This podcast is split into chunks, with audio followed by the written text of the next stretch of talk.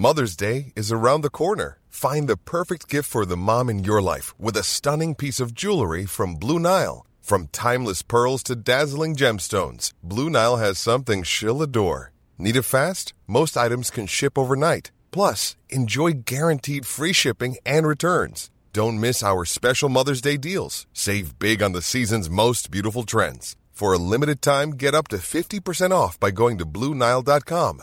That's BlueNile.com. Hiring for your small business? If you're not looking for professionals on LinkedIn, you're looking in the wrong place. That's like looking for your car keys in a fish tank. LinkedIn helps you hire professionals you can't find anywhere else, even those who aren't actively searching for a new job but might be open to the perfect role. In a given month, over 70% of LinkedIn users don't even visit other leading job sites. So start looking in the right place. With LinkedIn, you can hire professionals like a professional. Post your free job on linkedin.com/people slash people today. Everyone knows therapy is great for solving problems, but getting therapy has its own problems too, like finding the right therapist, fitting into their schedule, and of course, the cost. Well, BetterHelp can solve those problems. It's totally online and built around your schedule. It's surprisingly affordable too. Connect with a credentialed therapist by phone, video, or online chat, all from the comfort of your home. Visit betterhelp.com to learn more and save 10% on your first month. That's BetterHelp H E L P.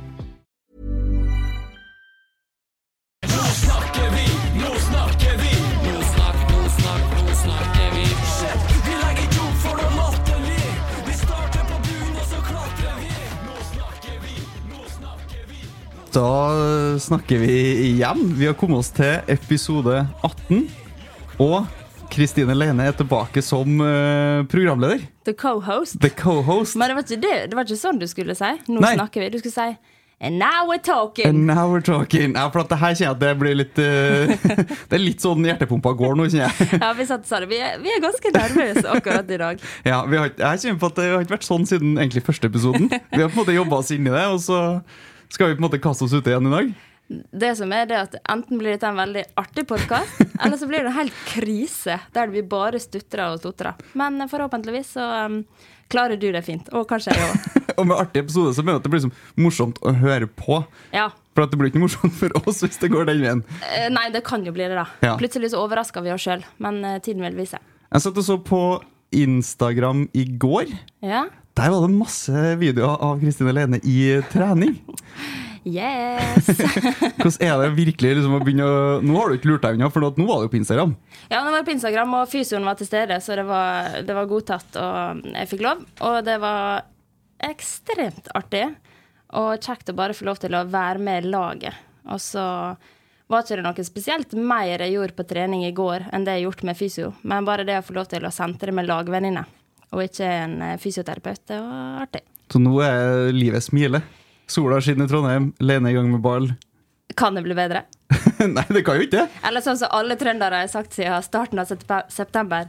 Dette er siste soldag, så vi må nyte det. Og så har det vært kanskje ti sider. Ja, ja, men sånn er det i Trøndelag. Altså. Det er soldager hele tida. Ja, det er akkurat det det. Det er det. Eh, vi må bare introdusere dagens gjest. Eh, og vi må jo forklare Det er dagens gjest, assistenttrener i Rosenborg, eh, Robin Shoot. Eller, og nå skulle jeg huske på hele regla, for det er Robin Alexander Edward navn- Lord. Lord, Lord Robin. Eh, som navnet tilsier, så må vi nå bytte fra norsk til engelsk. Oi, oi, oi. Og det er jo det som er spennende. Vi må bare hive oss uti. Er du klar? Klar. Du- Kjør. You're right! Hi, Robin. How are you? I'm great, Tretz. Thanks for asking. when you have this um, Idiot. l- linguistic okay, wizard next to us, I think everything's just fine. Did you catch up on anything on the intro? I heard you say something about um, our friend being back out there on the field yesterday. Yeah, our Yeah. friend being back out there on the field yesterday. Um, and you were talking about sun in Trondheim. Yeah?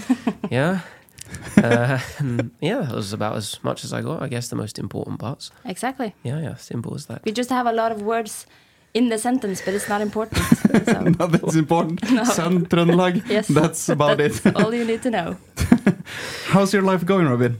Yeah, it's okay. Thanks, Tretz. Uh, it's um, it's uh, a busy period for us, um, and an exciting time for us all. I think um, in all the different uh, parts that we play in being part of this epic club. Um, so yeah, it's it's an exciting time. How's uh, training uh, these uh, days? Uh, now it's national break. Some players gone. Uh, does that affect the week? Yes, because we, of course, don't have the same number of players that we usually would with so many being away. But on the flip side, it's actually a brilliant chance for us to like work with the players that we have um, back at home and it, just like they're really really fun sessions i think and for example to get teens back on the field with the group uh, being part of the training group for a part of time, the warm up and passing and technical for someone like her who's been out for 16, 11 months. Fun. it's, ju- it's just as important for us, like to see her out on the field rejoining the group because of what she means to the group. She won't say it because she's so humble, but everyone else will. Keep going. So- Are we talking about the same person? But for example, just the fact that Teen rejoined the team for the first time is as brilliant as having everyone out there on the training field because she's such an important part of the group. So, Can you just give us her nickname once again? well, yeah, I call her Tina. Tina. Yeah, because Christina Yeah. and Henrik once said to me, he, he, he replied to me in a text and called you Tina. And so from then, Did I, he? Yeah. Why did he Well, do I it? think he did, but I'm not sure. Maybe I made it up. yeah, I And think in you Eng- made that up in your head, actually. Okay, I probably did. We'll come to that. yeah, and in English we shorten names, and so sh- to me she's Tina. Teens. I Yeah. think I actually told you because when I lived in England, they started calling me Tina. Well, they called me a lot of names actually. Like I was Legs, I was the princess, and I was Tina. And Tina was like my nickname for two years, and then I told the only British guy we had on Koteng. So that's how it happened, really. But you can continue with your story if you want to. It's all about you, isn't it? I was talking about that. That was more exciting. All your nicknames. Great. Princess. So now it's Princess from Uh, now I on. mean, Yeah, now you can she's told me that. Yeah, Yeah. I think Yeah. it's You'll go with Princess. Yeah, Yeah. go ahead. on the planner with all the girls' names. Yeah. Yeah, Prince, Princess Lina. Princess. Uh, do you have a lot of nicknames for the players? Uh, not really. I don't think. I just shorten, just shorten names. It's like an English thing. Yeah. It's like Matilda Harviken is Harvey and Sally. Sally, uh, Selena. Uh, yeah. So it's just shortening, making it easier. Yeah. Yeah. There used to be a culture back in the day in England like that nicknames were really cool. Like, and it was a, a thing in footballs It was nothing to do with the name. Like, you'd just make something up. Like what you said about legs. Like, if someone had, Long legs. yeah, or something, they would they would say that as opposed to their name. So it used to be a thing. Like, yeah. What was your nick- nickname? Loser. Yeah, idiot. I was going to say. Loser. How come? Freak. He was a loser. Yeah, I don't know. Yeah, it's simple as that, isn't it? Yeah, I was. Yeah, thanks. So it's just because you lo- lost everything. It wasn't really my nickname. Okay. Shruti was my nickname. just- Shruti. just Christian, we're trying to be funny here. Yeah, Just go oh, with the flow. I'm okay? sorry. Checks, sorry. yeah. Uh, but speaking about your career, uh, you have a massive career, uh, a lot of clubs. Uh, but how did you end up playing football in the first place? I think um, the just picking a ball up, I guess, and playing sport with my family, who were very sporty, and we did all sorts of different sports from a young age.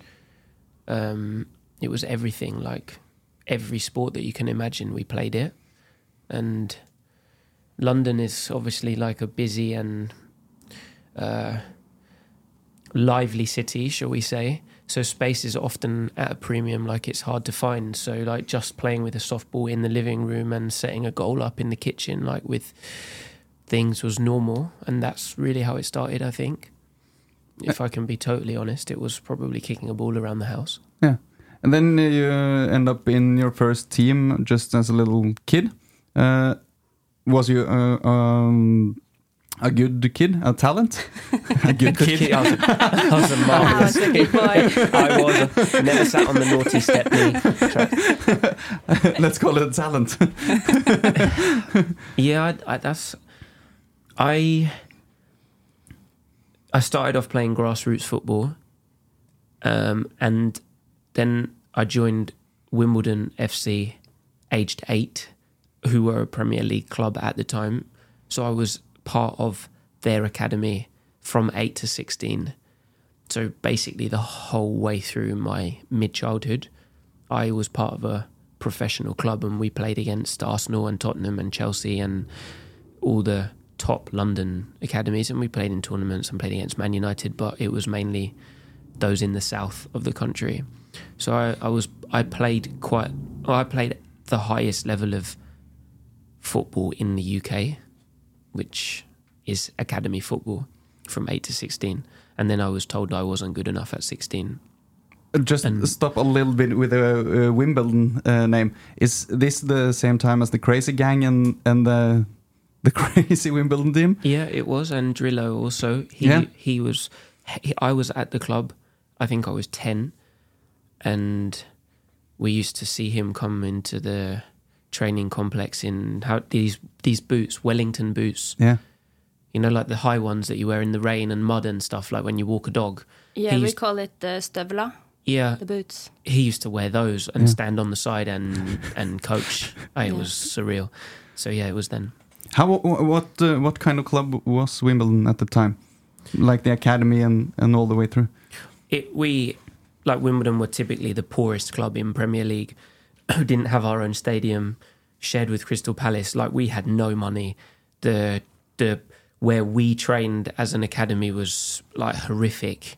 It was like the oldest worst astroturf in the history of the world at that time before like all the new pitches and we played at a terrible like rented university ground. And like it was you know, we, we didn't have kit. It was like we had nothing but i think coming and experiencing like humble conditions like that um, is really important for yeah uh, it's different for me because i didn't grow up in norway so i i am i didn't grow up around free kunstgras pitches and like yeah great equipment none of that was that was all alien to me but we didn't know that at the time. We just took what we had and that was it. It was just about playing football. It's like, yeah, that was how it was back then. And then at 16, uh, you're told you're not good enough. How does that affect a 16 year old boy? You know what? I'll be honest, because I said I I wanted to speak about mental health. That that time in my life, I experienced some extremely challenging people, both coaches and teachers at my school. So I, I went through quite a bit of trauma, like between the age of fourteen to sixteen, and actually it was it was quite a relief when they told me that I wasn't they deemed they considered me not good enough um, because I kind of like I remember one time I was I'd just come back from an injury. It was a really difficult period for me. And it was I was 16 it was just before I was about to be released. And we played a game against Millwall. And we played 3 times 20 minutes or something and I just remember after the first 20 minutes when it had finished and the coach was doing his team talk, I just walked to the side and I just broke down and turned away and started crying. And and anyway, he put the team out, and I'll never forget him because he came and stood with me for 20 minutes instead of coaching the team. And I was just like, I don't I don't want to play here anymore. Like I hate I hate this. So it was like yeah, it was tough looking back. Did he say anything to you? He just put his arm around me and was like trying to fill me with with love. He was one of the ones who I cherish to this day because he was one of the only ones who actually like invested in me as a human being and I knew that I was safe. I felt safe to break down in front of him. So what did he say when you said you didn't want to play for them anymore? he basically just painted it in a human way. He was like, um, yeah, like if you need some time off or like you don't have to do this, and it was hard because I there was a lot of conflict, not a lot of conflict. There was a lot of conflict with me in the middle between my school and the club because I went to a really prestigious sports school that I had a scholarship for. And I would say I suffered emotional abuse as a result of the way I was dealt with by certain teachers in that school. And the club and my school never spoke. So I got injured, like my body broke down because I was training 18 times a week. And I basically couldn't walk. Like I suffered so many different things as a kid. And like the school, the teachers would like emotionally blackmail me. Like I'd be walking past them in the corridor, like absolutely terrified of them as a 15, 16 year old, and they wouldn't talk to me. And like then they'd accuse me of lying and like, and I'd be like, how, how, looking back on it now, it's like, it's, it's sickening. And I've suffered in my life as a result of people like that. And he was that coach. That's why I will never forget him. He was one of those who kind of was not he was completely different because he showed me love and tenderness when I needed it the most. Has uh, this experience affect you as a coach? I would say that the way I am as a person, of course, a lot of how we are as people is as a result of the experiences that we go through and experience. And I, when I was 16 and I started coaching, I remember reading something about the word praise and love. And I was like, but these two words, like, I haven't received any of these. So I just I just want to give that to whoever I have the fortune of helping. So I would say that my experiences have formed who I am like without a doubt and I I just vowed that when I coached that no person I had the pleasure of helping would ever experience what I had to experience as a result of being treated that way. That makes sense. Absolutely. Yeah, and looking back at it, like if you think about the teachers, do you think something would have been different if the school and the club were speaking? So they couldn't say to you that you were lying because they talked to the club themselves. Did you have to be the middle person like all the time? I was in the middle, and they ne- I, like the club never spoke to me, the school never spoke to me. So no, I'm 15 years of age, mm-hmm. and like a young 15, like I hadn't matured physically. I was a really late developer, so I only started to grow at like 19. I used to be really small, so I'm like this 15 year old kid who just is like sick with life, sick of life, sick of life because of of no one actually made an effort to see how I was and see why things were going wrong. And and I didn't realize it at the time, but like I started to suffer. I suffered terrible, which I still do to this day, and I'll explain later if you want. But terrible OCD, like problematic OCD that has started to really impact my life. Aged 15, 16, like in a really uh, like important time of both career and school and that's as a result of like being a kid in the middle of adults who don't communicate and who make a judgment on you based on what they think without any so it's yeah So hard. when you say you have the OCD, what kind of started the the OCD? Like what triggered it? that's hard to that's hard to remember because I think it come I think it comes from the you can experience something and then you develop like anxious responses and then when you develop anxious responses you develop irrational obsessive compulsive responses so as a result of my anxiety, I think during that period, I started to develop really unhealthy um, obsessive patterns, and yeah, like they that's they are something that has I have experienced even unto this day now in varying forms and varying degrees. So, and also as a result of further trauma that I experienced in my career. So it's it's I think yeah the most important thing is that old phrase like you you never actually know truly what someone is going through. So be extremely careful in how you approach and work with people because you never, ever, ever truly know what they are actually experiencing. That's true though, and it's easy to forget. Like, if a if a person are grumpy one day, you many people would just like ignore the person. But probably for you, because you have experienced a lot of that, you would be more open to ask uh, the person what's wrong and how are you feeling today, and have more a conversation uh, conversation about it. I think, and I think it's important for a lot of people out there just to be more aware of that people can actually have struggles and we have to ask each other how they are uh, more often than just ignore people that are a bit grumpy or sad uh, because people can have struggles.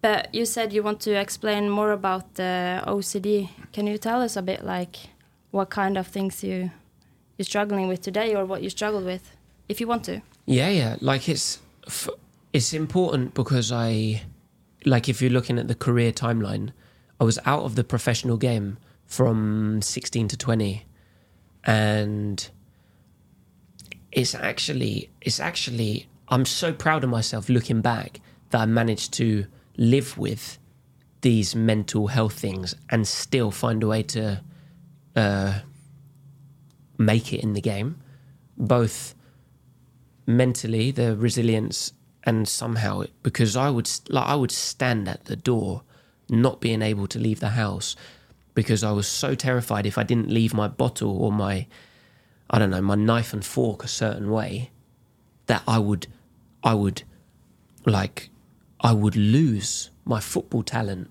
for example that was one that stayed with me throughout my young career like it sounds crazy. If I don't line my bottle up perfectly, I'm going to lose the ability to play football. Now, we can sit here and laugh about it because it sounds so ridiculous, but it's crippling because you can't you can't control it.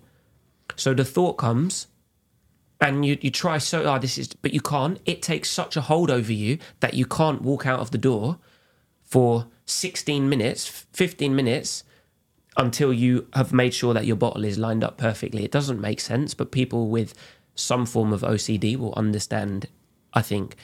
But I the, the worst I struggle with now, and I think this is as a result of a really horrific incident that I experienced later in my career. Um, I suffer from false memory OCD, which basically means I I convince myself that something has happened, even though it hasn't. And no matter how ridiculous it sounds or it is, it doesn't matter because I've convinced myself that it's true. So I'll give you an example. Probably the worst, not the worst. I experience them every day at the moment because it's been it's been quite tough. But in February, March, I drove home from Koteng and the lights outside Koteng were quite bad at that time. The traffic lights, you sometimes had to wait for like 12 minutes. Anyway, don't tell anyone. I skipped, I skipped to red. yeah, yeah, I skipped to red. I turned right. that's uh, allowed in the us though so it's okay Okay, so in that moment, we were on US uh, soil. exactly yeah Okay. I, I turned right and it was really snowy and there was a lot of snow on the ground. And you know, when you turn into snow, sometimes it locks under the wheel. Yeah. So it sounds like you've. So I've hit, like, I've gone over the snow and I've been like, oh my days, I've, I've hit someone. I've hit someone. And I'm like checking my rear view and all the mirrors, like driving home. Anyway, I've got home and for the next four hours, I kid you not, I convinced myself that the police were going to turn up at my door and arrest me for killing someone, and my life and my career was over. It was horrendous, like horrendous. And it doesn't matter like what you you say to yourself, I didn't hit anyone. Of course, I didn't hit anyone. You, it doesn't matter because you've convinced yourself. Mm-hmm. So it's like, yeah, this this false memory OCD, which is as a result of traumatic experiences that I experienced in my professional career, is something that comes and goes in my adult life from time to time. Do you feel like there's something that's triggering that? Like, are these periods where you're more tired? Is it cold outside? Is like how's life when you have these periods? Yeah, I think it was hard in the winter. I'd never, I'd never experienced such a dark, like winter, which I shared with you, mm-hmm. and I'm extremely grateful that you are who you are and you understand or seek to understand how I feel. But yeah, I don't know. It's hard. Like it's like ones I've been struggling with lately, and I don't know why they come on. But for example, like you and me can high five, and I can go home and think that like I've hit you or something like really like that I've hit you and it's been inappropriate and you're gonna yeah like so it's it's quite weird to explain something as ridiculous as a high five that like I've accidentally hit him in the face and he's taken it the wrong way and then he's gonna ring the yeah it's, it's like it's so Yeah. ridiculous Yeah. it is so ridiculous but you, You, just convinced yourself. yeah, it's horrendous. But it came, so long story short, it came because of a highly traumatic experience I had in football at the result at the hands of very unsavory people. And it's like that's the thing about this game. It's it is brutal. It's cynical. It's hor- like it's horrible. It's, it really is horrible. And people have said to me, you're, "You're probably too nice to be in it," and it's hard because I would never wish for anyone to go through what I have. But at the same time, when you have to make difficult decisions, like let's be adult about it and let's talk and let's be kind and let's give people love instead of like this club. This club was so determined to get me out because I spoke against the regime that like they started making up stories about me, and then when I like they they they tried to sack me with absolutely no grounds. But I'm a foreigner.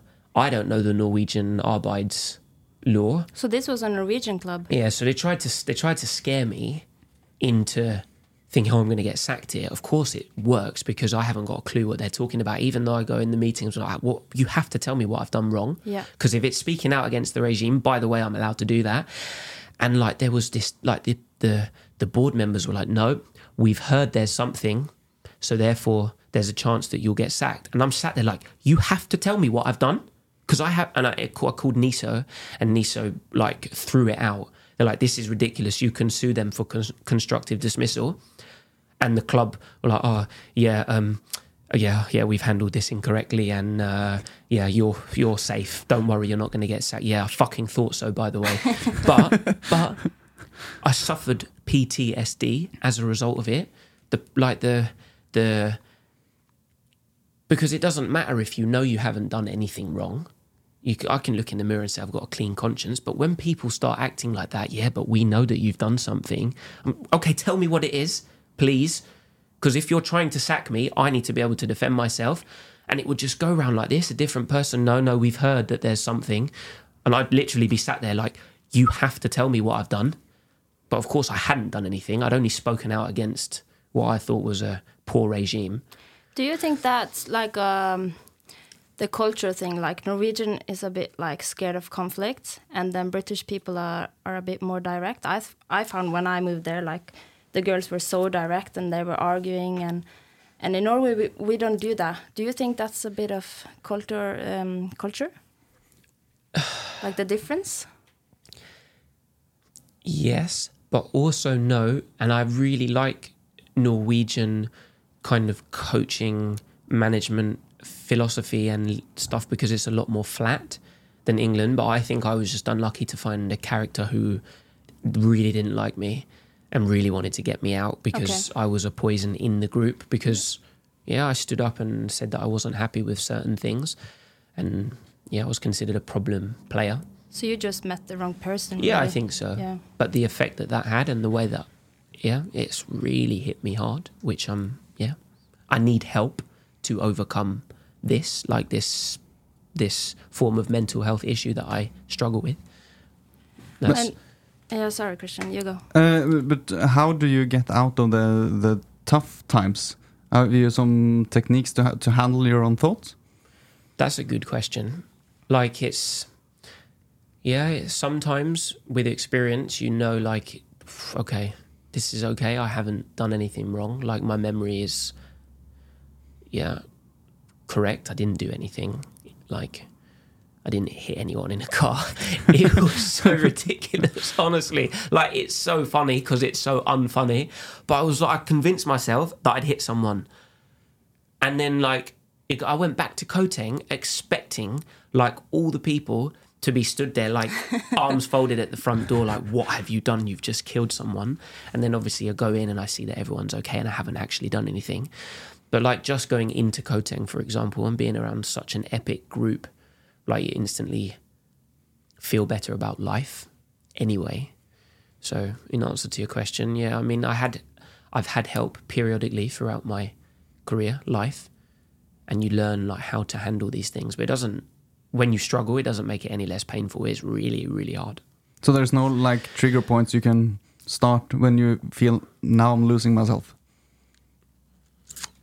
Yeah there are and that's like something that they teach you quite early on like this way of therapy cognitive behavioral therapy like it's a really famous treatment for those who struggle with things like this but I'm still human and sometimes it takes over and it's like oof, the pain is really hard. I've been open to the girls. I've said I, I've struggled with the worst mental health. I've struggled with it all anxiety, depression, like, and I communicate it because I, like, we have shared. You never, You know when you say we, yeah. the people can't see you, so you probably have to say the name we, me and who. okay, you teens and I, Princess? have sh- princess, Princess, legs, yeah, have shared have shared open conversations about anxiety and struggle because I think it's so important that it's normal and healthy and okay to not be okay, and that like this society and world tells us that we, yeah, top sports you have to be like yeah, all right. But I've said to you and the girls, you've made it to the very highest level. You've played international football. You've played in like the highest leagues. You've had a career at the top level. But you're still a human being, most importantly. And it's probably even harder for those that are because the pressure is so high, regardless of what people say, the pressure to perform day after day after day after day after day. Like it's natural that as human beings, it takes its toll on us.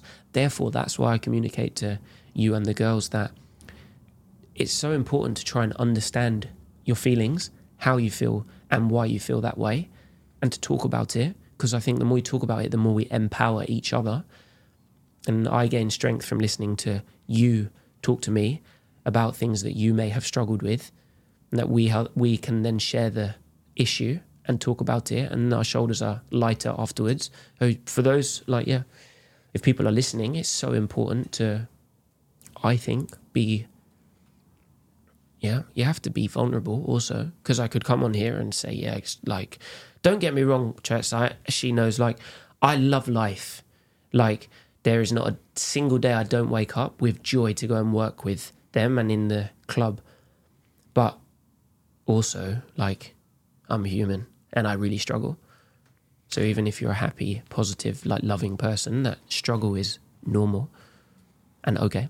Because that struggle is something you may be struggling with more at home. Because I've never seen you like down at Koteng because you're always put a smile on your face and you always um, say hello to everyone. Like you're the happiest man on Koteng. so that's true when you say you love life because you're a very happy guy and you you like uh, cheer everyone on. And is that like natural for you? And then when you come home, are you then taking on your struggle um, struggles, or how is it when you come home from work? Yeah, maybe that's a good question. Like it, of course, helps when Anna is here. hmm That's your girlfriend, Yeah, and wifey. yeah, fourteen years, and um, yeah, we like when I have her because then, of course, my head is less on football outside. But yeah, yeah, it's it's very rare that I would like be struggling at Koteng, but there are times where I have, and I've come in and I've had to, you know, like I've shared with the staff, for example. I said to Marley after we travelled back from Lean, and she asked me in the gym how it was, and I was like, I'm struggling a little bit today. That's okay. How was the response from the players when you told them the first time? No, I think I've told individuals over the course of the time that I've been here that I've struggled. And I remember after we lost to Vålerenga last year at the end of the season, I, I just stood up in the locker room. We were talking about the game, and I was like, girls, I've struggled with the worst mental health here. Like, don't feel like you, if you feel things, that you should suppress them, that you should keep them in. It's so okay to feel what you feel and be comfortable to talk about it and admit that you are scared or worried or don't feel great or are a little bit off. Like you are, and we can edit this after if you're not happy. But before the before the, you know, if you don't want to share it, but okay. remember before the Brann game. Yeah. At Lerkendal. No, at Oh. Stemmemyren. Oh yeah, yeah.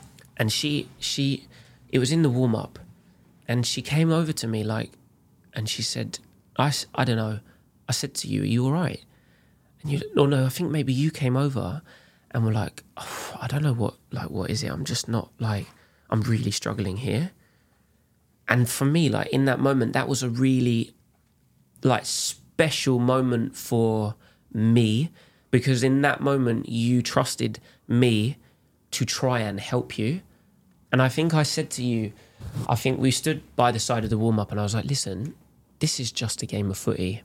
Okay. You are a top class human being. You are a top class player.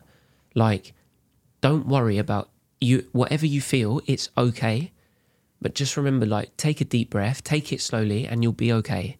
Just, just, I can't remember how he said it exactly, but you played an absolute blinder, not because of me, Yeah. not because of me. No, and I will never ever take credit for it because it's you. You're in your head, not me. But the fact that she came before such a big game and openly admitted that she was not feeling at her perceived best, but had the confidence to share it, meant that she gave me in that moment a chance to help her, and she found a way to. She was brilliant. Like we drew one-one at Stemmemyren at the end of the season in the playoff game, and after that.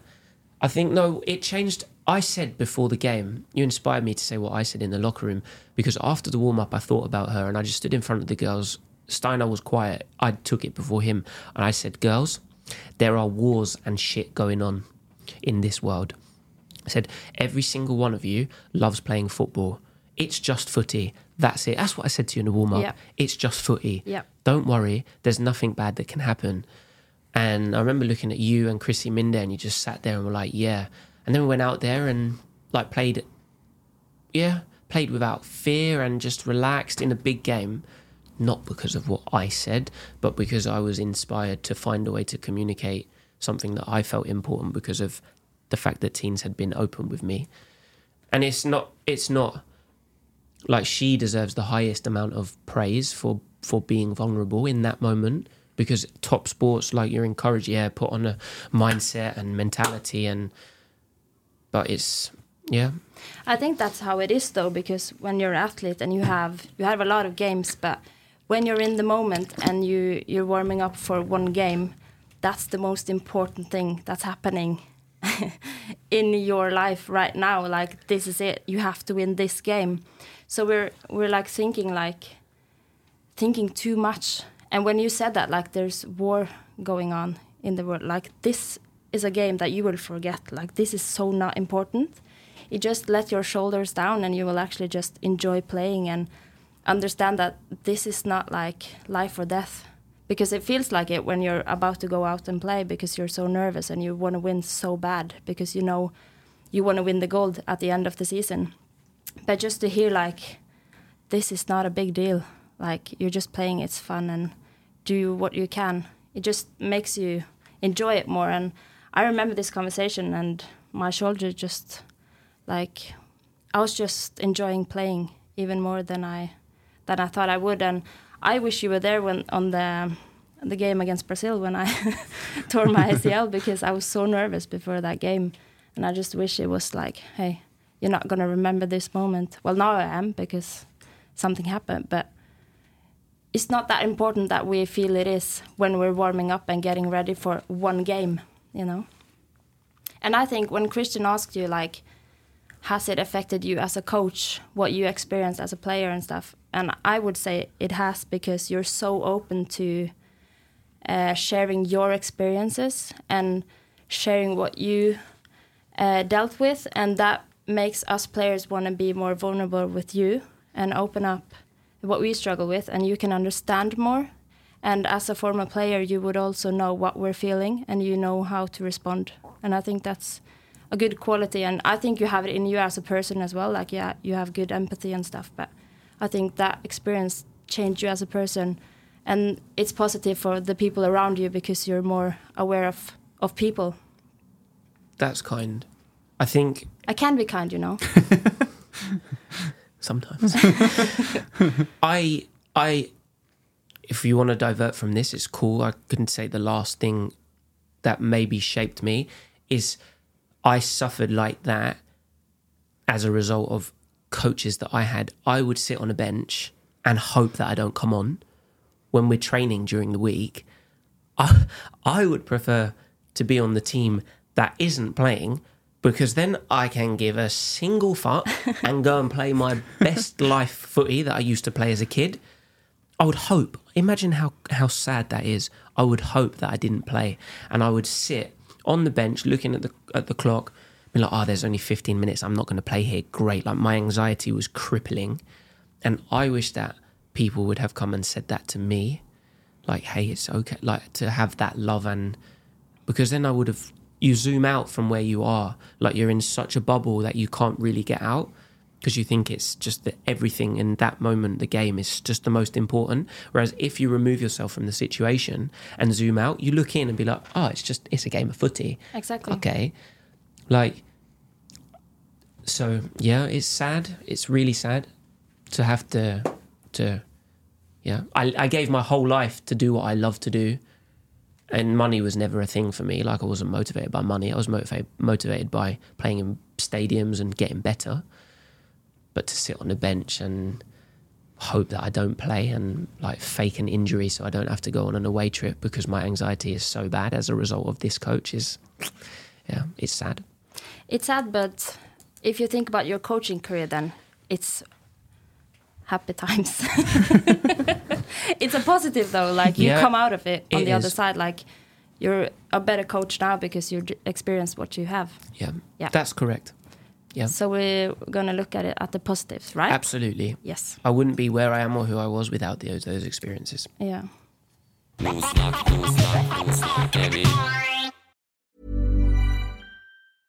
Ryan Reynolds here from Mint Mobile. With the price of just about everything going up during inflation, we thought we'd bring our prices down. So to help us, we brought in a reverse auctioneer, which is apparently a thing. Mint Mobile unlimited premium wireless. Ready to get 30, 30, bit to get 30, bit to get 20, 20, 20, bit to get 20, 20, bit to get 15, 15, 15, 15 just 15 bucks a month. So, Give it a try at mintmobile.com slash switch. $45 upfront for three months plus taxes and fees. Promo for new customers for limited time. Unlimited more than 40 gigabytes per month. Slows. Full terms at mintmobile.com. Hey, it's Danny Pellegrino from Everything Iconic.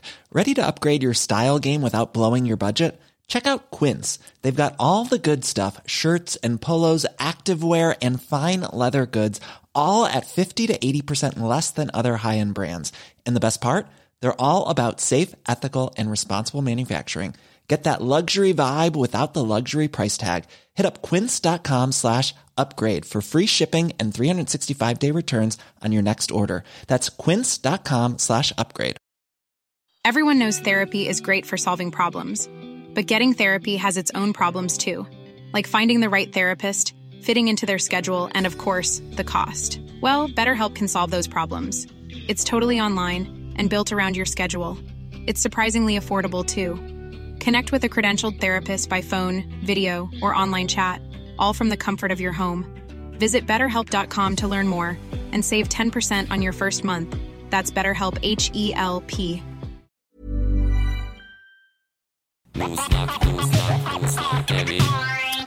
And then in 2014, you end up in Norway. How?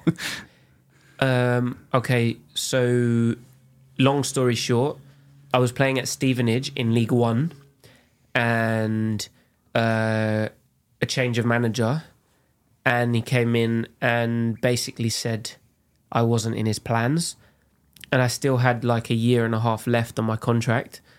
Um, How old were you? I was 25, so 10 years ago. Are you that old? yes. Cheers. Oh. This confidence boost in my skincare re- regime is obviously not working. And I'll tell you the truth. They sent me to train as a 25 year old senior professional with G16. In Norway? No, i- in, Stevenage. In England. In To England. get you out. Yeah, they were so desperate to get me out of the club, so they try and force you out. Yeah. So first they sent me to train with G16, and then after four months, because I was just like, I'm not going anywhere. Like I haven't found anything that is like it's difficult for me to find a club. The win transfer window was shut anyway. So they sent me to train in a local park with a physio from the youth team and another professional who they were trying to get out. So we're in a public park, yeah, Oh gosh. which is be- yeah, it's like the equivalent of of Lade idrettsanlegg. Yeah. So imagine the A team are training on there, and we send two players to go out on the grass, and people are walking their dogs and stuff. But I'm not joking. They were so desperate to get us out, and I, I, yeah, it was both a relief because I had really struggled with that head coach as well. He was, I had very, very, he was, yeah, I had very traumatic experiences with him. So when I was when they told me you're no longer going to be training with the first team, I'm not going to lie, I was actually happy. So on my days, I can actually get some joy in my life again. It's weird. Like who thinks that I'm going to train with 16 year old kids? Like brilliant, but it was great. But as time went on, like their behavior towards me also got more toxic. They tried to force me out, get like threatening messages from the chairman and all this shit, and I'm like, "Ah." Yeah, like what do I do? And I fell out of love with footy. I fell out of love with footy like but I'd go home and it would be great like spend time with my family I'd go to yoga like every day so I found really cool parts of my life that were great and then I got the opportunity to come to Norway somehow because I trained with Sarpsborg 08 in January and they recommended me to Hødd in April and so literally they saw a YouTube video of me or something, and that I was free agent, and was like, "I'm fuck it, what have I got to lose?" And yeah, flew out to the west coast of Norway and set my. That was it. That was set my pin down, and like I, I think I earned seventy five percent less than what I was earning in England. Like I was earning good money in League One. Yeah, I don't know, eight hundred Norwegian a year which in the third level at a smaller club is, but it's a good salary. And I think I got 20,000 krona a month signing for Hødd.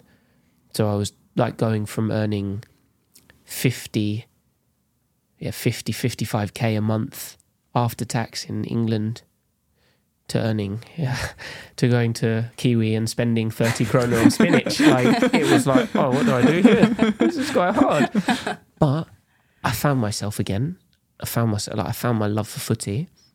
And it was also like a, a lot of my OCD because I'd removed myself from an environment that had become hard for me, stepped off the plane. I was like, no one knows me here. I've literally got a clean slate of life. And just like, just in, go out there and enjoy footy. Met Steinar.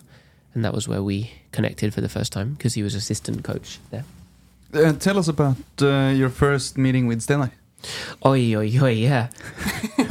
Ah, I walked in and you know, you know what he's like, like when he sits behind the desk or he turns and when he's a bit serious. Like if you don't know him and you see him, you think, oh, this dude's scary. so I walked in the coach's office and I was like, raw. Like I'm not, I'm afraid of him. Like better not say anything wrong to him. And he looked up and was like, yeah, hi. yeah. And then I remember like telling the direct, sports director that I wanted to train on my own in the morning. So I got up to the hall, went and and I went up to the hall at nine thirty, and Steinar was there, just waiting. And I was like, "Ah, is he gonna? He's gonna help me?" And we just connected like straight away. So he was the assistant coach at, Yeah. at that time. Uh, how was it like uh, your first impression of Norway? Honestly, at Oslo Gardermoen, I saw the Widerøe little plane. And I was like, nah, bro, I am not getting on that. I was like, you are not seeing me getting on that. So anyway, because I've never seen a plane like that with these propellers and stuff. Like, come from a big city, mate. Got jumbo jets and shit. Like, anyway, yeah, so I got on the Widerøe plane, flew into Volda. Ah, panicking some fun, held the thing like flying into this valley, like looking out the window, going, "Fuck me, we're gonna die here." Like, the first experience, gonna die flying on one of these little propeller planes. Honestly, that is not a joke. So landed in Volda and was like, "Rah, this is beautiful! Like what a place." yeah, so it was. It was literally like that. I've come to one of the most beautiful parts of the world. Like here's a good chance to find myself. And how did you um, like meet up with your teammates and stuff? Yeah, it was weird because you go into a locker room where you don't speak the language, and that was also nice for me because like the coach would be talking and I'd be like, I haven't got a fucking clue what they're saying. Great, I can just go out there and do what I want. So no sessions in English? No, Nothing? like because I was the only me and a Croatian boy, but the rest of the group was Norwegian and a Swede, so was, everything was done in Norwegian. But it was great. It was so liberating. If they told me something important, then they'd come and tell me in English and be like, okay, and the lads as well. But no, it was great. The boys were really welcoming, and a lot. I think because we were in a small town, most of the group were outsiders. They came from different places, and so everyone was an outsider. So it was easy because everyone was an outsider. So you just fit in. And how did you settle in uh, the little town? You said you're coming from London. it's a difference. Yeah, it was. That's a really good question. Um, it was, it was peaceful. Like it was a chance to slow down. Because London is hectic, man. Like I used to travel an hour just to get to training. I had to take two trains, a tube. Like you're on a tube at like eight thirty in the morning at London Victoria Station, and they're like shutting the barriers because there's three hundred thousand people every thirty minutes trying to get on a tube. So it was like that. Things like this are stressful, but you don't realize it at the time. And as a Londoner, because you're just in it. But stepping out into Ulsteinvik and being like, oh, I've got to walk to training. Oh, it will take me four minutes. Oh, the bus is coming in two hours. Yeah, yeah. So I'm just Like that. So you have to walk. Literally, yeah, and like things like this. And by the way, you look out the window and you can see the fjord and the mountain. It's like, but I think because I'd done a lot of yoga and I like, I, I didn't, yeah, I wasn't a party boy. I like quiet time, so it was actually quite epic to, like, yeah, slow down. So this year you moved away from your girlfriend, Anna, the beautiful uh, model Anna. We love her. So do I. Do you? but yeah, did you live together before you moved? no, we didn't. Okay. But literally, I came home one. No, it was day before my birthday, day before my twenty sixth birthday, and I got the call, yeah, from my agent and was like, "Yeah, the club want, had want to take you." I literally was like, "Yeah, you have to leave tomorrow." And I came to Anna. I was like, "Babe, I'm off to Norway tomorrow. See ya. ya later." yeah, it was like, but she's, yeah, she's epic. She's, she was like, "Go, you have to do what you have to do." But it was hard. There were a lot of strains on our relationship in the early stages because of that. Which makes sense. But did you? Um, she has an apartment in London now, Yeah, and do you have that as well? Do you live there together when you're back home? yeah, we own it together. Yeah. So that happened after you moved to Norway. Yeah. So we, yeah, I came to Norway in 2014, and we've been together since 2009. So f- That's a long time. yeah. From, should, should I get married? yeah, maybe. uh, yeah, Tretz, congratulations. Thank you. Um, yeah. So I'm not married, but no, but you're on your way, aren't you? yeah. He Uh, asked. Yeah, yeah, yeah, yeah. Rub it in. Uh, yeah. So we've had an apartment. We bought an apartment in London in 2019. Yeah. How's her impression of Norway? She's been here? She's visited? Yeah, she comes often, and it's easier now because there's a direct flight from London to Trondheim, which makes a difference. Because in other parts, like when I was in Sogndal, or it would take twelve hours, literally door to door, and in Ulsteinvik also. But like she, I think she really likes Trondheim. Um, it's a chance for her to like calm down and for us just to be together and spend time. And yeah, I think she enjoys being here together. And in uh, Ulsteinvik, you also uh, kicks off your coaching career. Like you, you said earlier, you, you've been a coach uh, on and off from you were 16, but uh, you retire as a player and go full time coaching. No, I retired in 2000 at the end of 2020 and then made a decision to go full time into coaching here. But throughout the time I was in Norway, um, I coached alongside being a player also. So I yeah, we train and then in the afternoon evenings then I would coach because yeah, Ulsteinvik is a quiet place and yeah, like clubs like that they need everyone. So if you're like yeah, I, I, what team can I do? And they were like, you can have Enter 16. Great, okay, crack on. How was that experience coaching girls 16? yeah, it was it was brilliant. Like I think I worked with every girls age group in the club upwards from 12 so literally I was just like a floating coach every night. I think I worked with the enter 12 the enter 14 the enter 16 the Damalaget because I just could and I wanted to. I wanted to be out there and do it. So it was brilliant. It was it some priceless days because it's where I got to learn how to yeah fail and do crap sessions and communicate, learn how to teach. And then you get at some point the phone call from Trondheim. Steinar, I guess, calls. He's in Rosenborg. How uh, how did you end up uh, moving to Trondheim and and joining Rosenborg?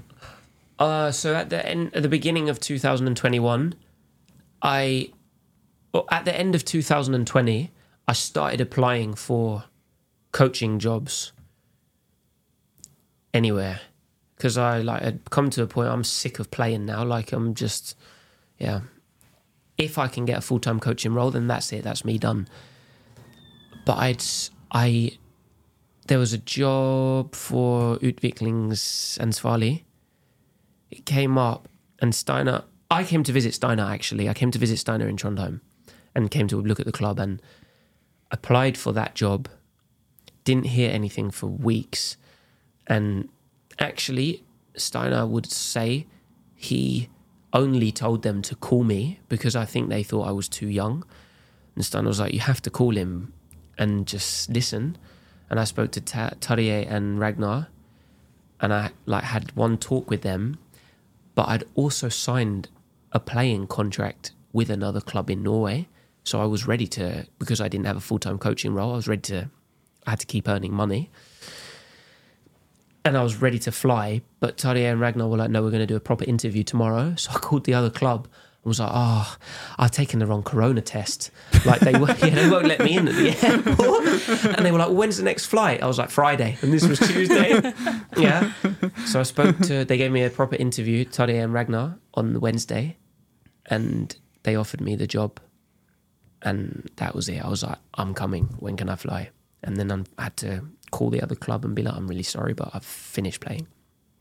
And then you start your job as uh, utviklingsansvarlig. Um, how was was it like your first full time coaching job?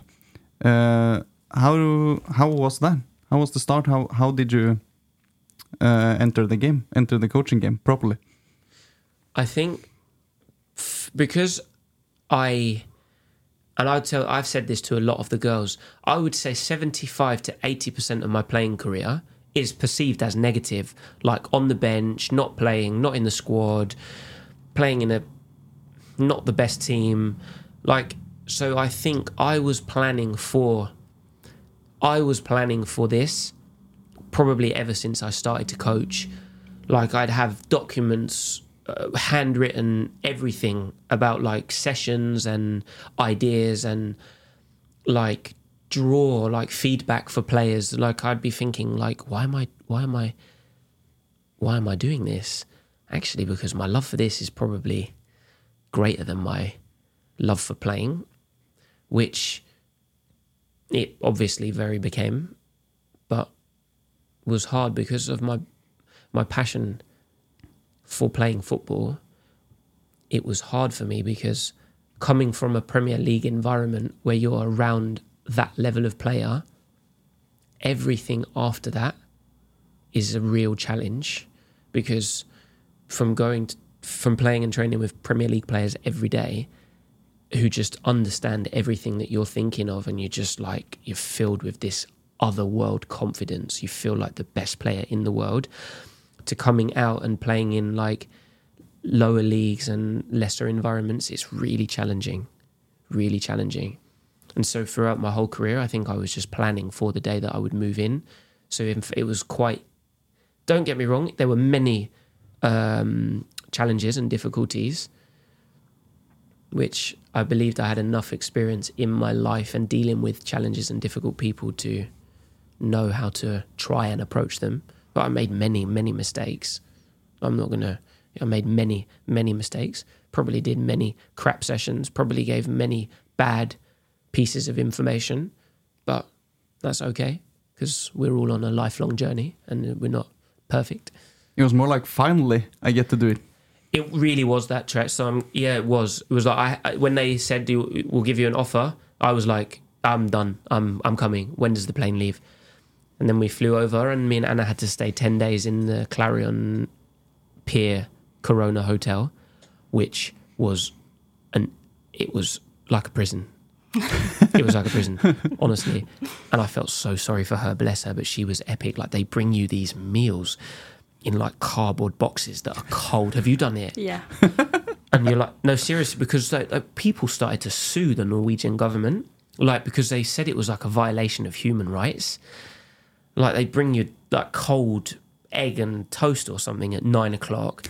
Then you get lunch, which was like some wet pasta, and then dinner. Me and Anna were just like, okay, can we order food? And we just like ordered grano pizza every other night or some pad thai or something. So yeah, we were there for ten days and then moved into Lilleby. Like really ready to start coaching. Oof, that was hard, Tress. Yeah, that was really hard. And then you get the, the chance to step up as an assistant coach before the, the season last year. Um, and you get to work close with uh, Steinar. Is it like your first time working that close with Steinar? Yes, although I say as when I was a player and he was a coach, because he became my head coach when our coach got sacked. Me, I and him had a really good relationship and spent a lot of time like watching video and talking about football and life.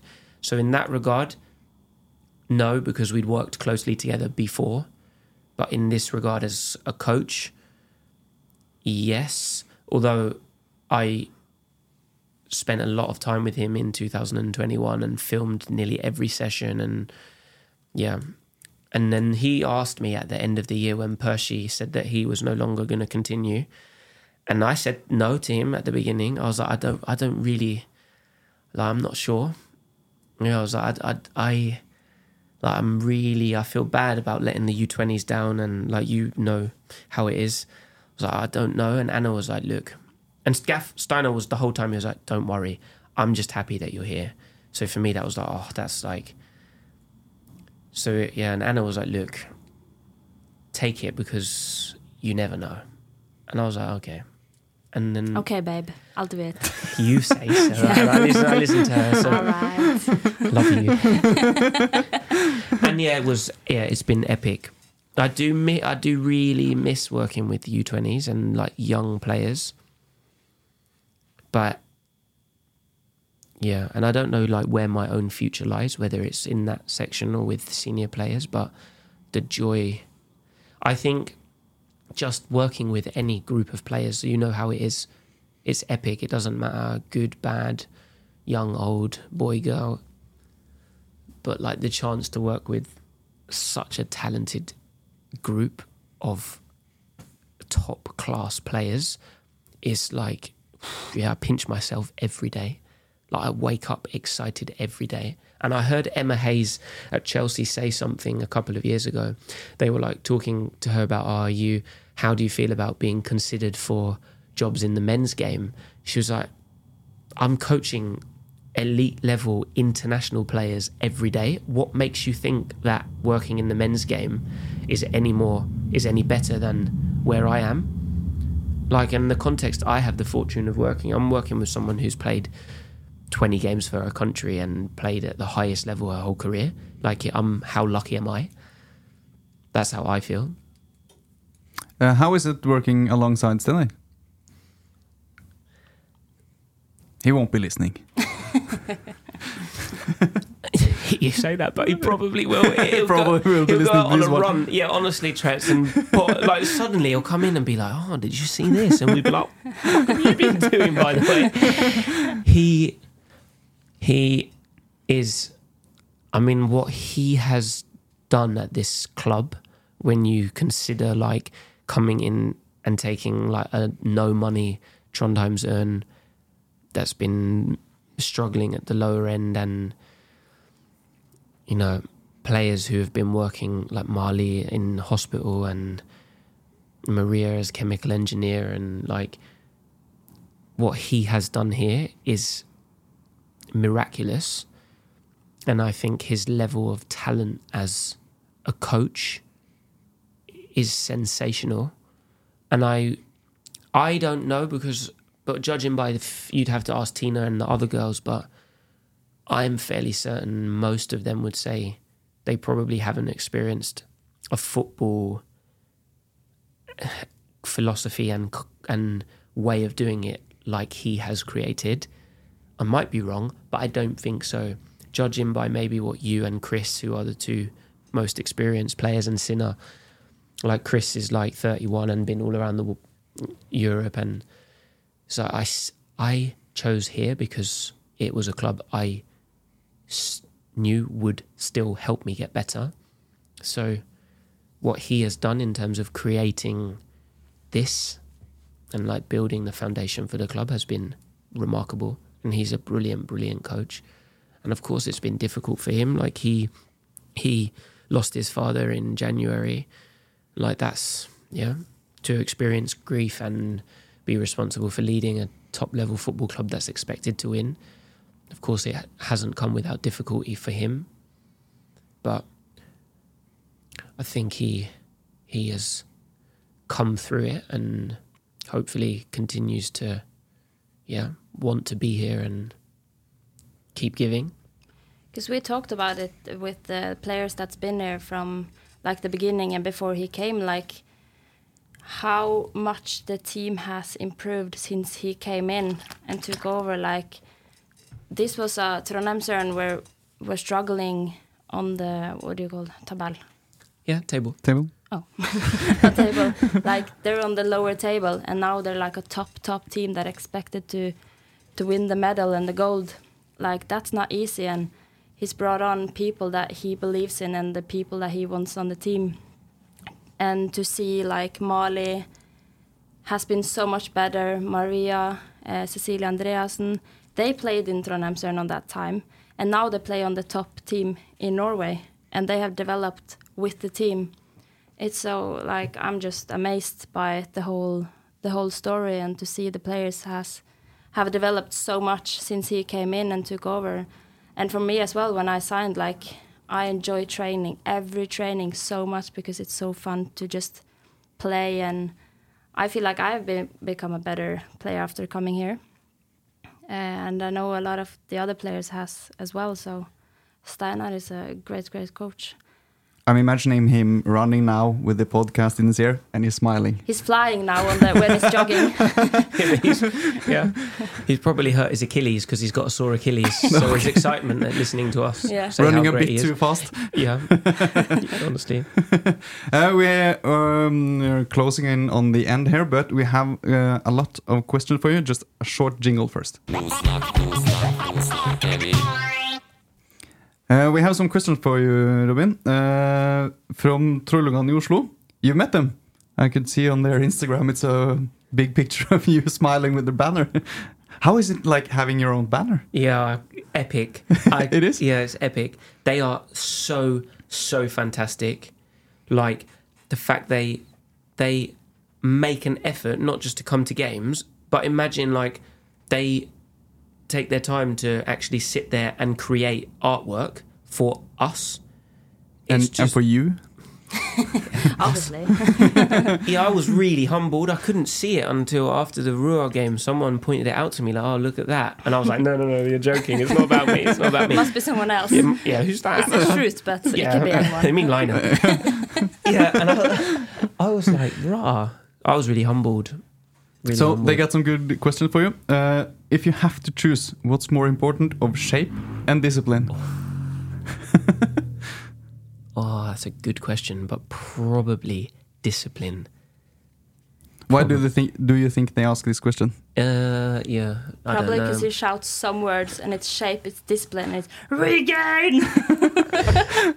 Protect the ball also and Yeah, take oh, it like sorry. Protect the ball. yeah. Protect the ball. So uh, you choose shape, discipline, I choose discipline. discipline. Yeah, Why?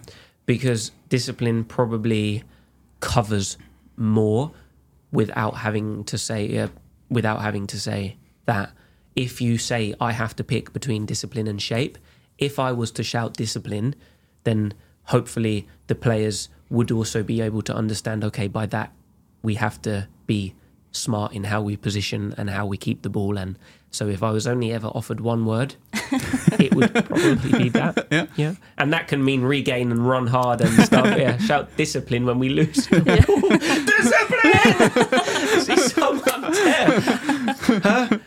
someone Ellen two foot tackle after hearing that word. Yeah. It's so fun. If people are watching our games, look at Robin at the side because when is it regain you yell when you have like your butt out and your hand forward and clapping? that's just, yeah maybe Come on, come on, regain! it's fantastic. it absolutely is. Just And, pay attention to him. It's Yeah. very funny. and it's even better uh, on the away matches because then you can see it on the On on, the TV, TV. yeah. And the mic, I think it's strategically placed close to you because you can hear you throughout the entire game. It's absolutely brilliant. no, I'm so embarrassed. Like, No. and I don't want any glory or limelight. Seriously, like I hate attention. I'm really uncomfortable with attention. Or like I've said to Anna, I don't want any surprises. Like I don't want people celebrating me. I'm really uncomfortable with that. So I just go into the zone of being like all in in the game and doing what I feel can be helpful. And it's giving everyone an English lesson at the same time. So Yeah. The whole of Norway. at, at least some few words. Yes. Yes. Uh, they are also asking uh, Do you do any preparations for your voice before a match? Yeah, I do. You do? No, la, I la, just la, la, la. yeah, I do those singing You do, yeah. exercises. No, I just have um, I have the like the chewing gum and fisherman's friend just in the pocket and flip them and get the saliva going and Your lip gloss as well. yeah, my lippy. Yeah. Oh, I thought you were telling me I had it on my lips. No, no. I was just forgetting what it was called, but you always have that on you. Yeah, I always have my Burt's Bees lip balm Yeah. because sometimes during the game your lips can get quite dry and I need a moment to look down, reflect, and Yeah. Hate when that happens. That's annoying, Yeah, isn't it? yeah. So, some few like tricks chewing gum, fisherman's friend. No, honestly, I don't do anything. I'm fortunate that I can shout for a very long time with, without losing my voice. Why are you laughing? Yes. It's very funny. if the game is boring, I just watch Robin because it's uh, entertainment. Absolutely. you, you can't. this is bad podcasting. You're, he's now doing his Robin Shroot like uh, Impression. impression. Yeah. Watch out on Saturday. watch Let Robin. me film this when it's happening, so we can post Oh, it on it was her okay. that made. Yeah. One, two, three. I love it. And clapping is really bad on podcast. Yeah, oh, shit, sorry. You're gonna have to edit that noise tracks. we I apologize, but we won't be took me editing anything. This is absolutely brilliant. Oh, I'm sorry. That's actually very funny. I'm going to post it on our Instagram. Whew, um, I kind of lost it now. Sorry. No, go on. Questions. Um, we we have a lot of questions from Elias. He was a co-host uh, on the last episode with uh, Lena as a guest, He did a great, great job. He did a great well job. done, Elias. and now I c uh, he's kind of. Uh, I think he feels down because he isn't here as a co-host today. So he just just sending us uh, enormous amount of questions. Uh, we we do some few. Uh, what is his favorite shape? Triangle and diamonds. Triangle and diamonds because he has sent uh, square, triangle, or circle. Wait, square? Triangle or circle? Yeah, triangle. Triangle. Yeah. Why? Yeah, it's just the most fun football shape, isn't it? It is. Yeah. So it's like a tactical uh, shape. yeah, we ha- we say it in our in all our exercises and stuff. Look for the triangles and look for the diamonds. Can you uh, describe it in like short words for our listeners? Uh, yeah. So, say for example that we we set up to have yeah a triangle of players. So imagine three different players in the shape of a triangle So cause a problem for the opposition, and that we can say you have A, B, and C.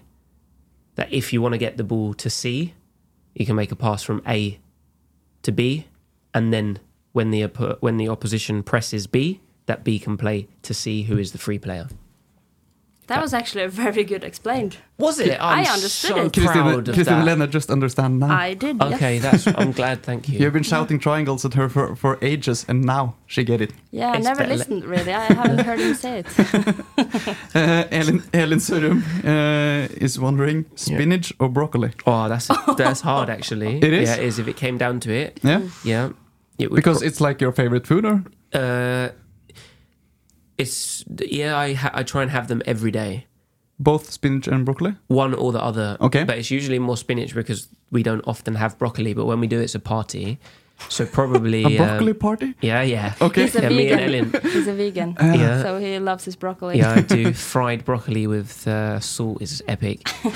yeah, if I had a choice, it would probably be broccoli. Yeah. Yeah, Okay, then Yeah. Ellen knows. yeah. Is that because you can do so many things with it? Like you can put salt, you can Oh, put mate, you can pepper. do so- Parmesan. yeah, see, you're on the right track. Yeah. I'm glad you understand. Are you a, a good cook, a chef? Do you make your own dinner? Yeah, Yeah. Are I- you good? I What's your like uh, um, signature dish?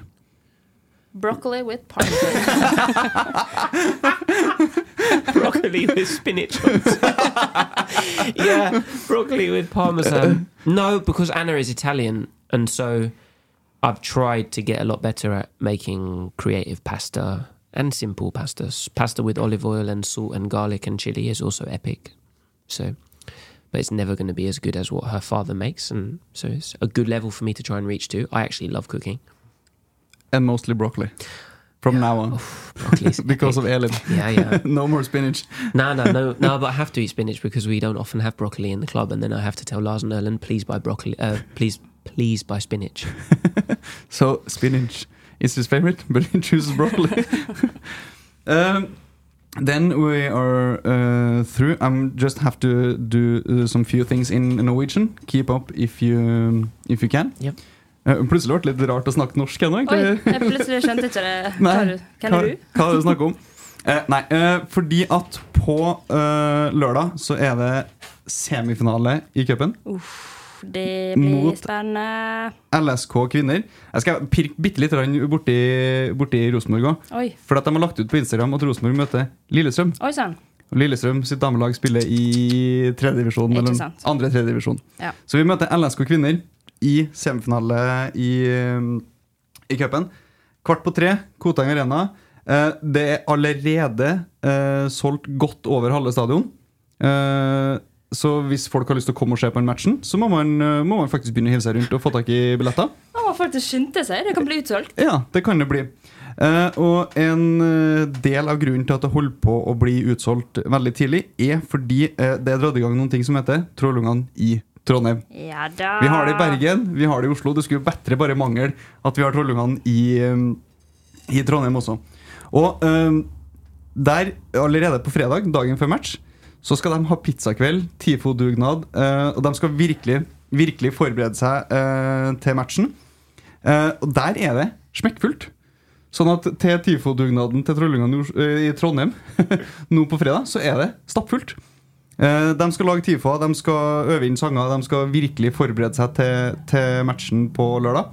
Jeg tror det kan bli ordentlig ordentlig artig. Ja, kult. Eh, De jobber med å etablere eh, RBKs første liksom, supporterklubb for damelaget i Trondheim. Det har de gjort. Um, og det skal skapes en inkluderende arena for å bli en del av et fellesskap der man kan Møte opp, hei på Rosenborg, og støtte laget og bli virkelig, virkelig en del av det.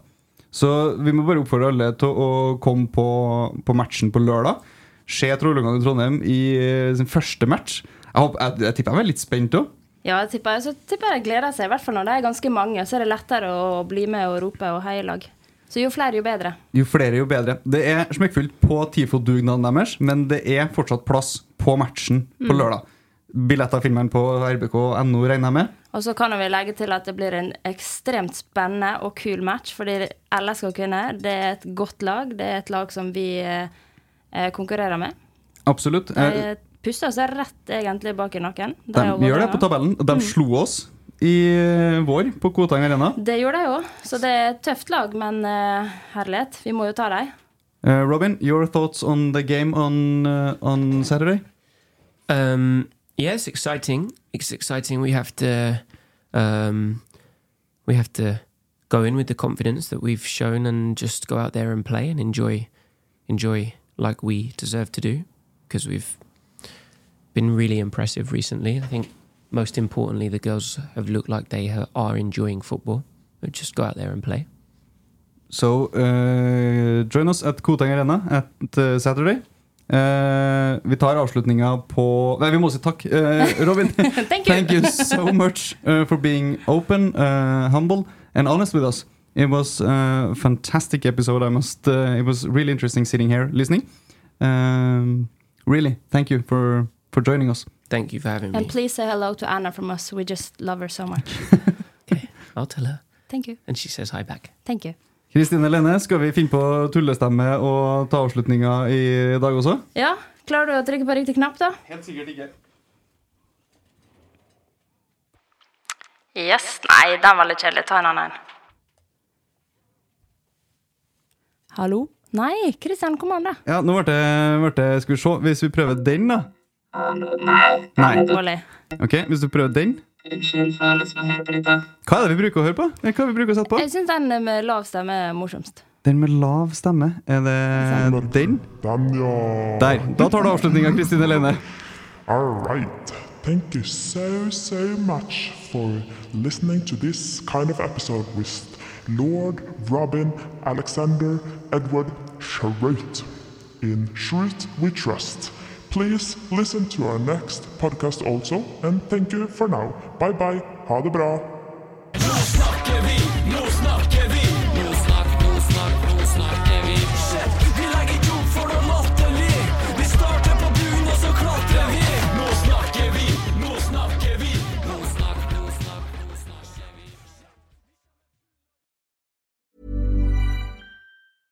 Mom deserves the best, and there's no better place to shop for Mother's Day than Whole Foods Market. They're your destination for unbeatable savings, from premium gifts to show-stopping flowers and irresistible desserts. Start by saving 33% with Prime on all body care and candles. Then get a 15-stem bunch of tulips for just $9.99 each with Prime. Round out Mom's menu with festive rosé, irresistible berry chantilly cake, and more special treats. Come celebrate Mother's Day at Whole Foods Market. Planning for your next trip?